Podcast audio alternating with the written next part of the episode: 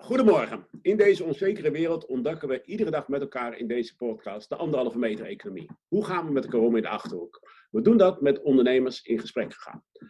Dit initiatief wordt hier aangeboden door de Achterhoekboord met de samenwerkende partijen VNO-NCW Achterhoek, de samenwerkende industriële kringen Achterhoek, innovatiemakelaar RCT Gelderland, innovatiecentrum en opleider Sifon en Achterhoekambassadeurs. U kunt altijd gebruik maken van de chatfunctie om een vraag te stellen tijdens het interview. Deze interactieve podcast wordt de komende weken op iedere werkdag om 8 uur opgenomen met een ondernemer uit Achterhoek. Meer informatie vind je op de website www.achterhoekverbind.nl. Mijn naam is Martin Stor en samen met Twan de Ruiter gaan we vandaag in gesprek met Dirk Wassing van Wassink Installatie uit Winterswijk. Twan, bijt jij de spits af? Ja, zeker. Goedemorgen Martin. En natuurlijk ook goedemorgen Dirk Wassink en alle kijkers. Uh, misschien nog wel aardig om er even bij te vermelden dat Dirk samen met zijn zus uh, directeur-eigenaar is uh, van het bedrijf niet alleen in Winterswijk, maar ook in Doetinchem. En daarnaast ook nog bestuurslid is van VNO-NCW Achterhoek. Dirk, goedemorgen. Ik heb gisteren even op jullie website gekeken en daar hebben jullie nog eens een keer een, een heel duidelijk statement gemaakt over de richtlijnen van de monteurs. Waarom hebben jullie dat gedaan? Um, ja, eigenlijk uh, de, dat hebben we gedaan om een aantal redenen. Maar uh, meteen toen uh, de maatregelen werden afgekondigd, merkte je dat wij, zeker waar wij bij klanten over de vloer kwamen, heel snel ook te horen kregen van ja, nu even liever niet. en, en ook heel begrijpelijk. Maar we schoten heel snel ook in de modus van ja, oké, wat kan wel? En als je nagaat wat wel kan, dan moet je natuurlijk even goed nakijken wat zijn de richtlijnen. Maar dan moet je er ook heel duidelijk in informeren. En dat hebben wij mede middels een uh, statement richting de monteurs. Hè, van ja, wat kan je doen, hoe moet je ermee omgaan.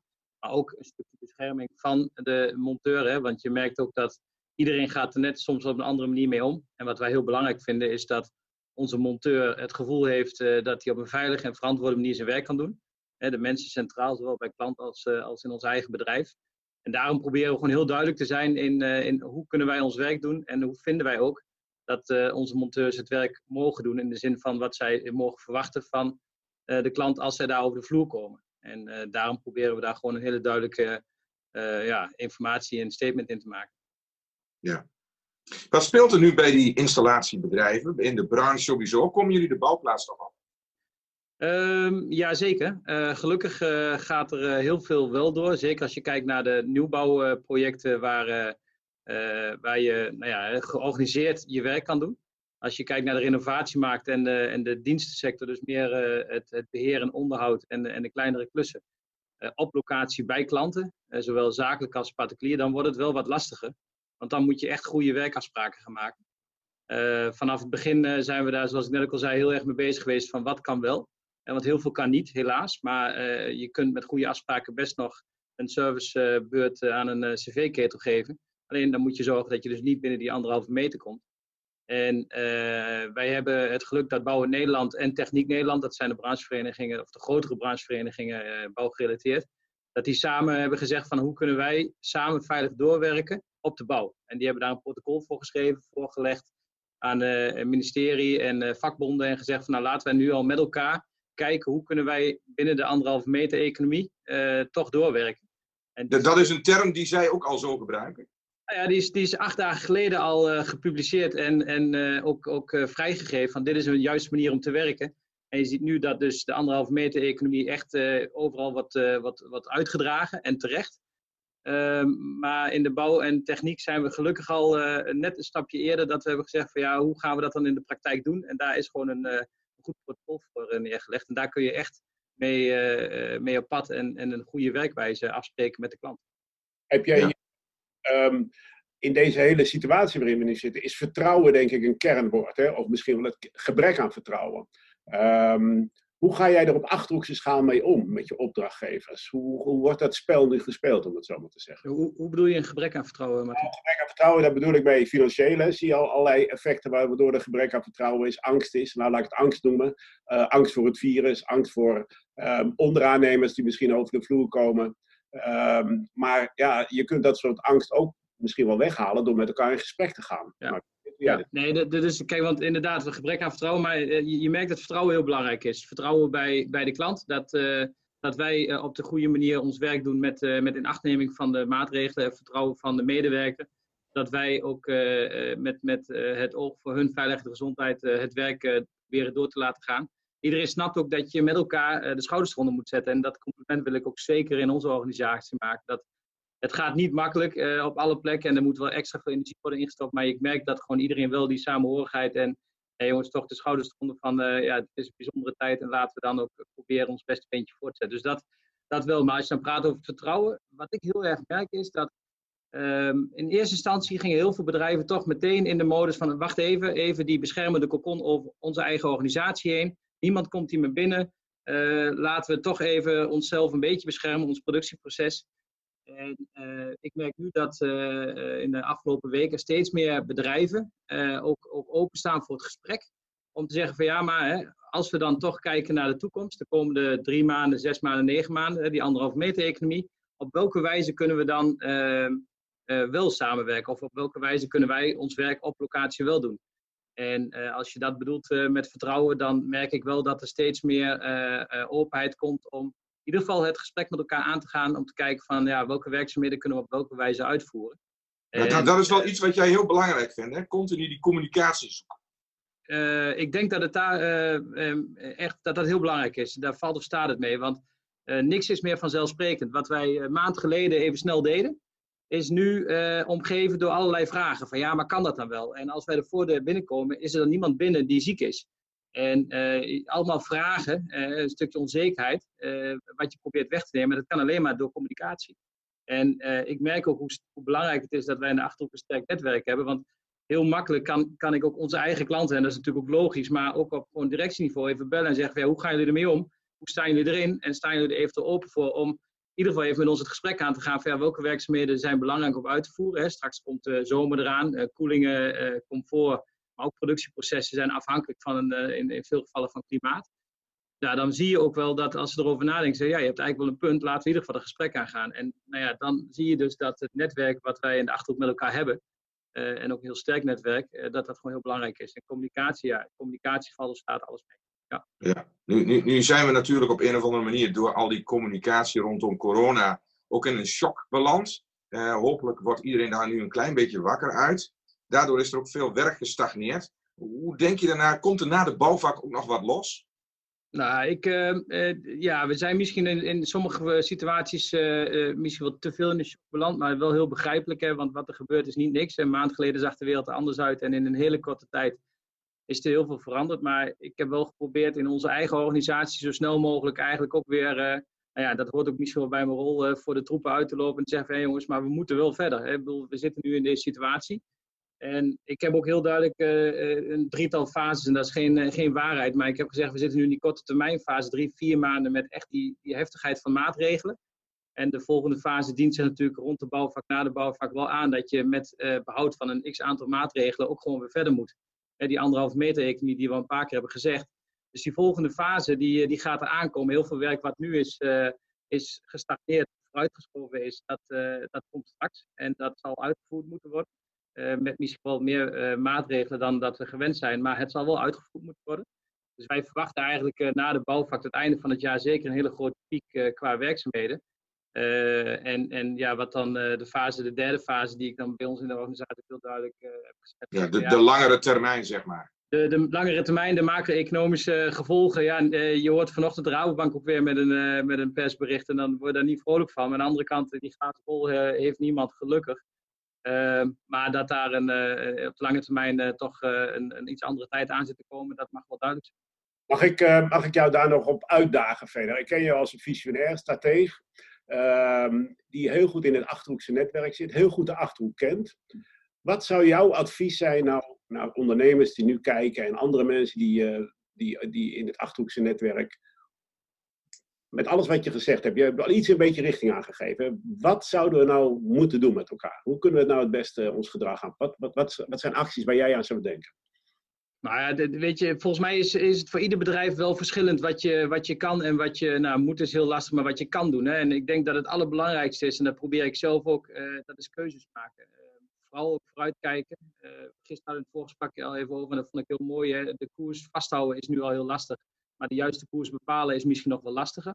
Maar dan neemt die weg dat het heel belangrijk is. En wat, ik, wat ik zelf merk is, doordat ik nou ja, heel veel mensen spreek. En, en ook op heel veel plekken probeer mijn informatie die ik heb te delen. Maar ik krijg ook heel veel informatie om gewoon een goed beeld te vormen. En de waarheid, die glazen bol, die hebben we niet. Maar door met elkaar in ieder geval te kijken van waar gaat het heen, met je klanten te spreken van wat verwachten jullie, waar gaat het heen, op basis daarvan de koers bepalen. En ik denk dat dat voor, de, voor iedereen geldt.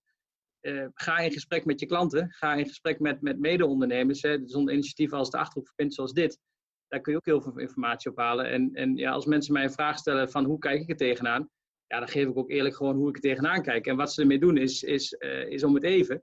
Maar dat is misschien wel het, het beste uh, advies, als ik dat al zou mogen geven, is van ga met je netwerk en, en, met je klanten in gesprek om te kijken van waar gaat het heen en hoe kijken jullie er tegenaan. Want als je van je klant weet hoe zij er tegenaan kijken, dan kun je daar in ieder geval ook je beleid op afstemmen.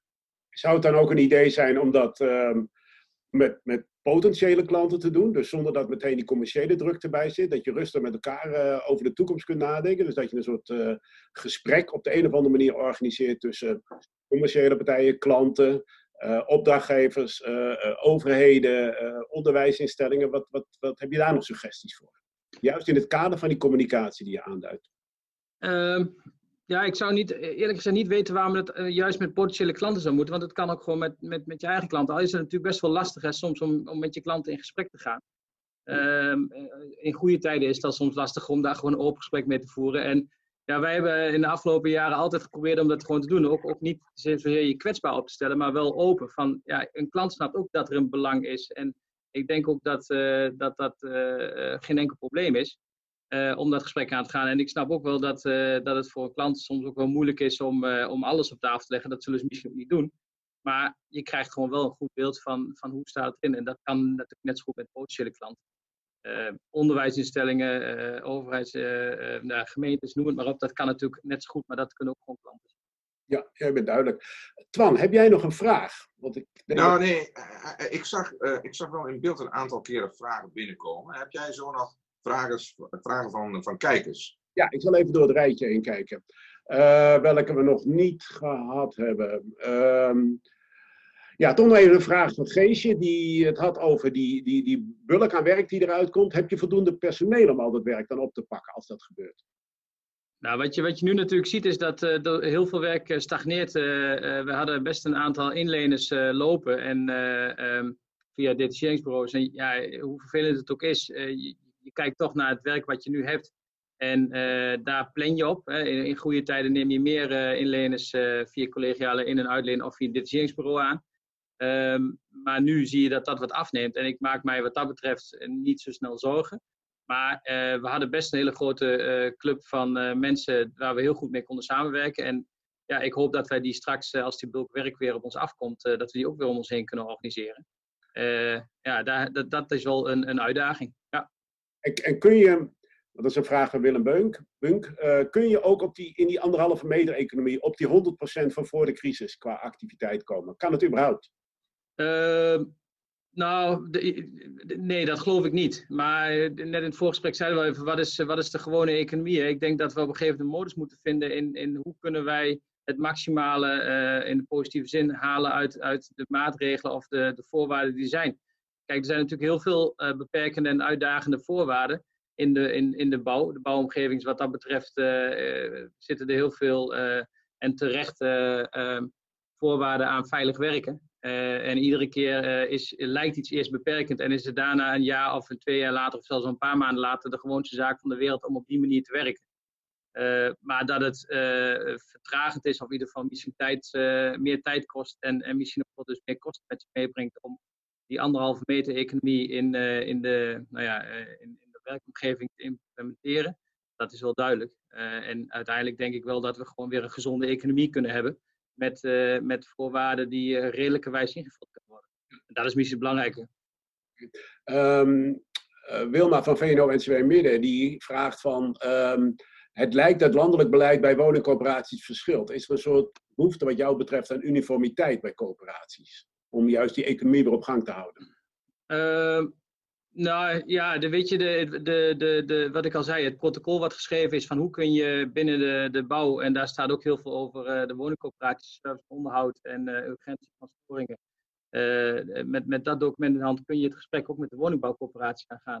Ehm, wat, je, wat je nu ziet is dat bijna alle woningcorporaties het gesprek weer aangaan. en, en nagelang de samenwerking er is, gaat het sneller of makkelijker. Het is natuurlijk wel lastig soms, want iedereen probeert ook wel zo goed en zo zeker mogelijk te acteren. Het is een onzekere tijd en waar doe je goed aan? Dus ja, ik kan me voorstellen dat het voor bestuurders van woningcorporaties soms ook wel lastig is om te zeggen van ja, wat kan wel en wat kan niet. En daar moet je dan ook vertrouwen hebben in, in je partners, hè, in, de, in de techniekbedrijven, installatiebedrijven. Dat die ook heel goed weten van hoe pakken zij hun werkzaamheden aan. Maar dat deed je ook al met de andere werkzaamheden die ze deden. Dus uniformiteit ja, maar ik, ik zie wel dat dat gewoon goed gaat. Oké, nou we gaan van ehm, van grof naar fijn en door elkaar heen. Hè. De, uh, Geesje Philippe die vraagt, merk je aan de andere kant al dat leveringen stokken? Dus zijn er aan de, aan de toeleverancierkant knelpunten? Uh, wij merken dat nu nog niet. wij hebben bij onze grote leveranciers, maken we iedere week een rondje en vragen we ook uit van wat zien jullie qua voorraadvorming? Hè? Zie je ergens problemen aankomen? Ook omdat wij zelf weten wat wij in de komende tijd nodig gaan hebben, dan zouden wij eventueel zelf dingen op voorraad kunnen gaan houden. Maar dat is nu nog niet nodig. En ik merk dus ook nu, zelfs andersom, en nadat wij een paar weken lang dat al vragen, dat nu ook uh, heel veel klanten zelf met die updates komen. Want uiteindelijk wil dat hamstergedrag, uh, dat willen wij ook niet in ons magazijn straks helemaal vol hebben met allemaal potentiële uh, producten die, die tekort komen in de toekomst. Ik wil, daar zijn de groothandels heel goed in om dat goed te monitoren. En, en, en ja, weet je, dat gaat voor nu nog wel goed. Specifieke producten kan zeker wel. Ik bedoel, er zijn natuurlijk een aantal specifieke producten die ook uit Noord-Italië komen. Ja, op den duur zou daar best wel een, een stagnatie in kunnen komen. Ja. Als laatste vraag. Um, Jan Kaak die geeft aan van in het kader van jouw oproep tot goede communicatie met elkaar, is er ook geen maatschappelijke discussie nodig? Um, ja, ja, zeker. Die, die is er altijd. Eh, die, die is er en die moet er ook zijn. Ik, uh, alleen in welke context er een maatschappelijke discussie is, gewoon in de brede zin ik denk dat het niet uh, alleen maar een, een, een, uitdaging is van, uh, van de ondernemer of de bestuurder of, of de overheid.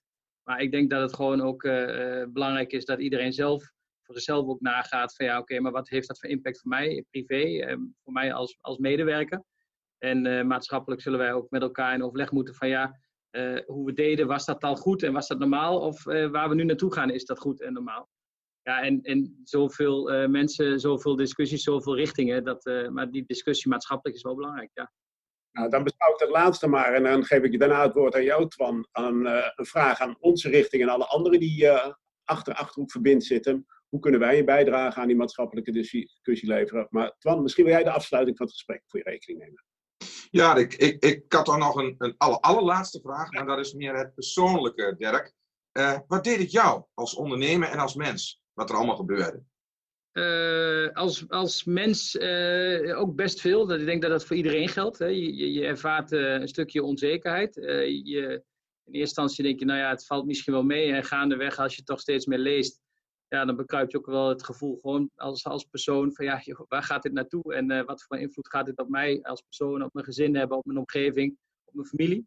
En dat is voor iedereen. Dat, dat, dat, ik kan me niet voorstellen dat je dat gevoel niet hebt. Hè. Zo zitten wij als sociale mensen, hè, bij iedereen is zo, zitten we in elkaar. Uh, als ondernemer uh, is het aan de ene kant uh, heel snel een paar dagen of misschien een dag nog maar denken van ja, waar gaat dit naartoe in, in 2020? En het leek zo mooi en alles is, is per direct anders.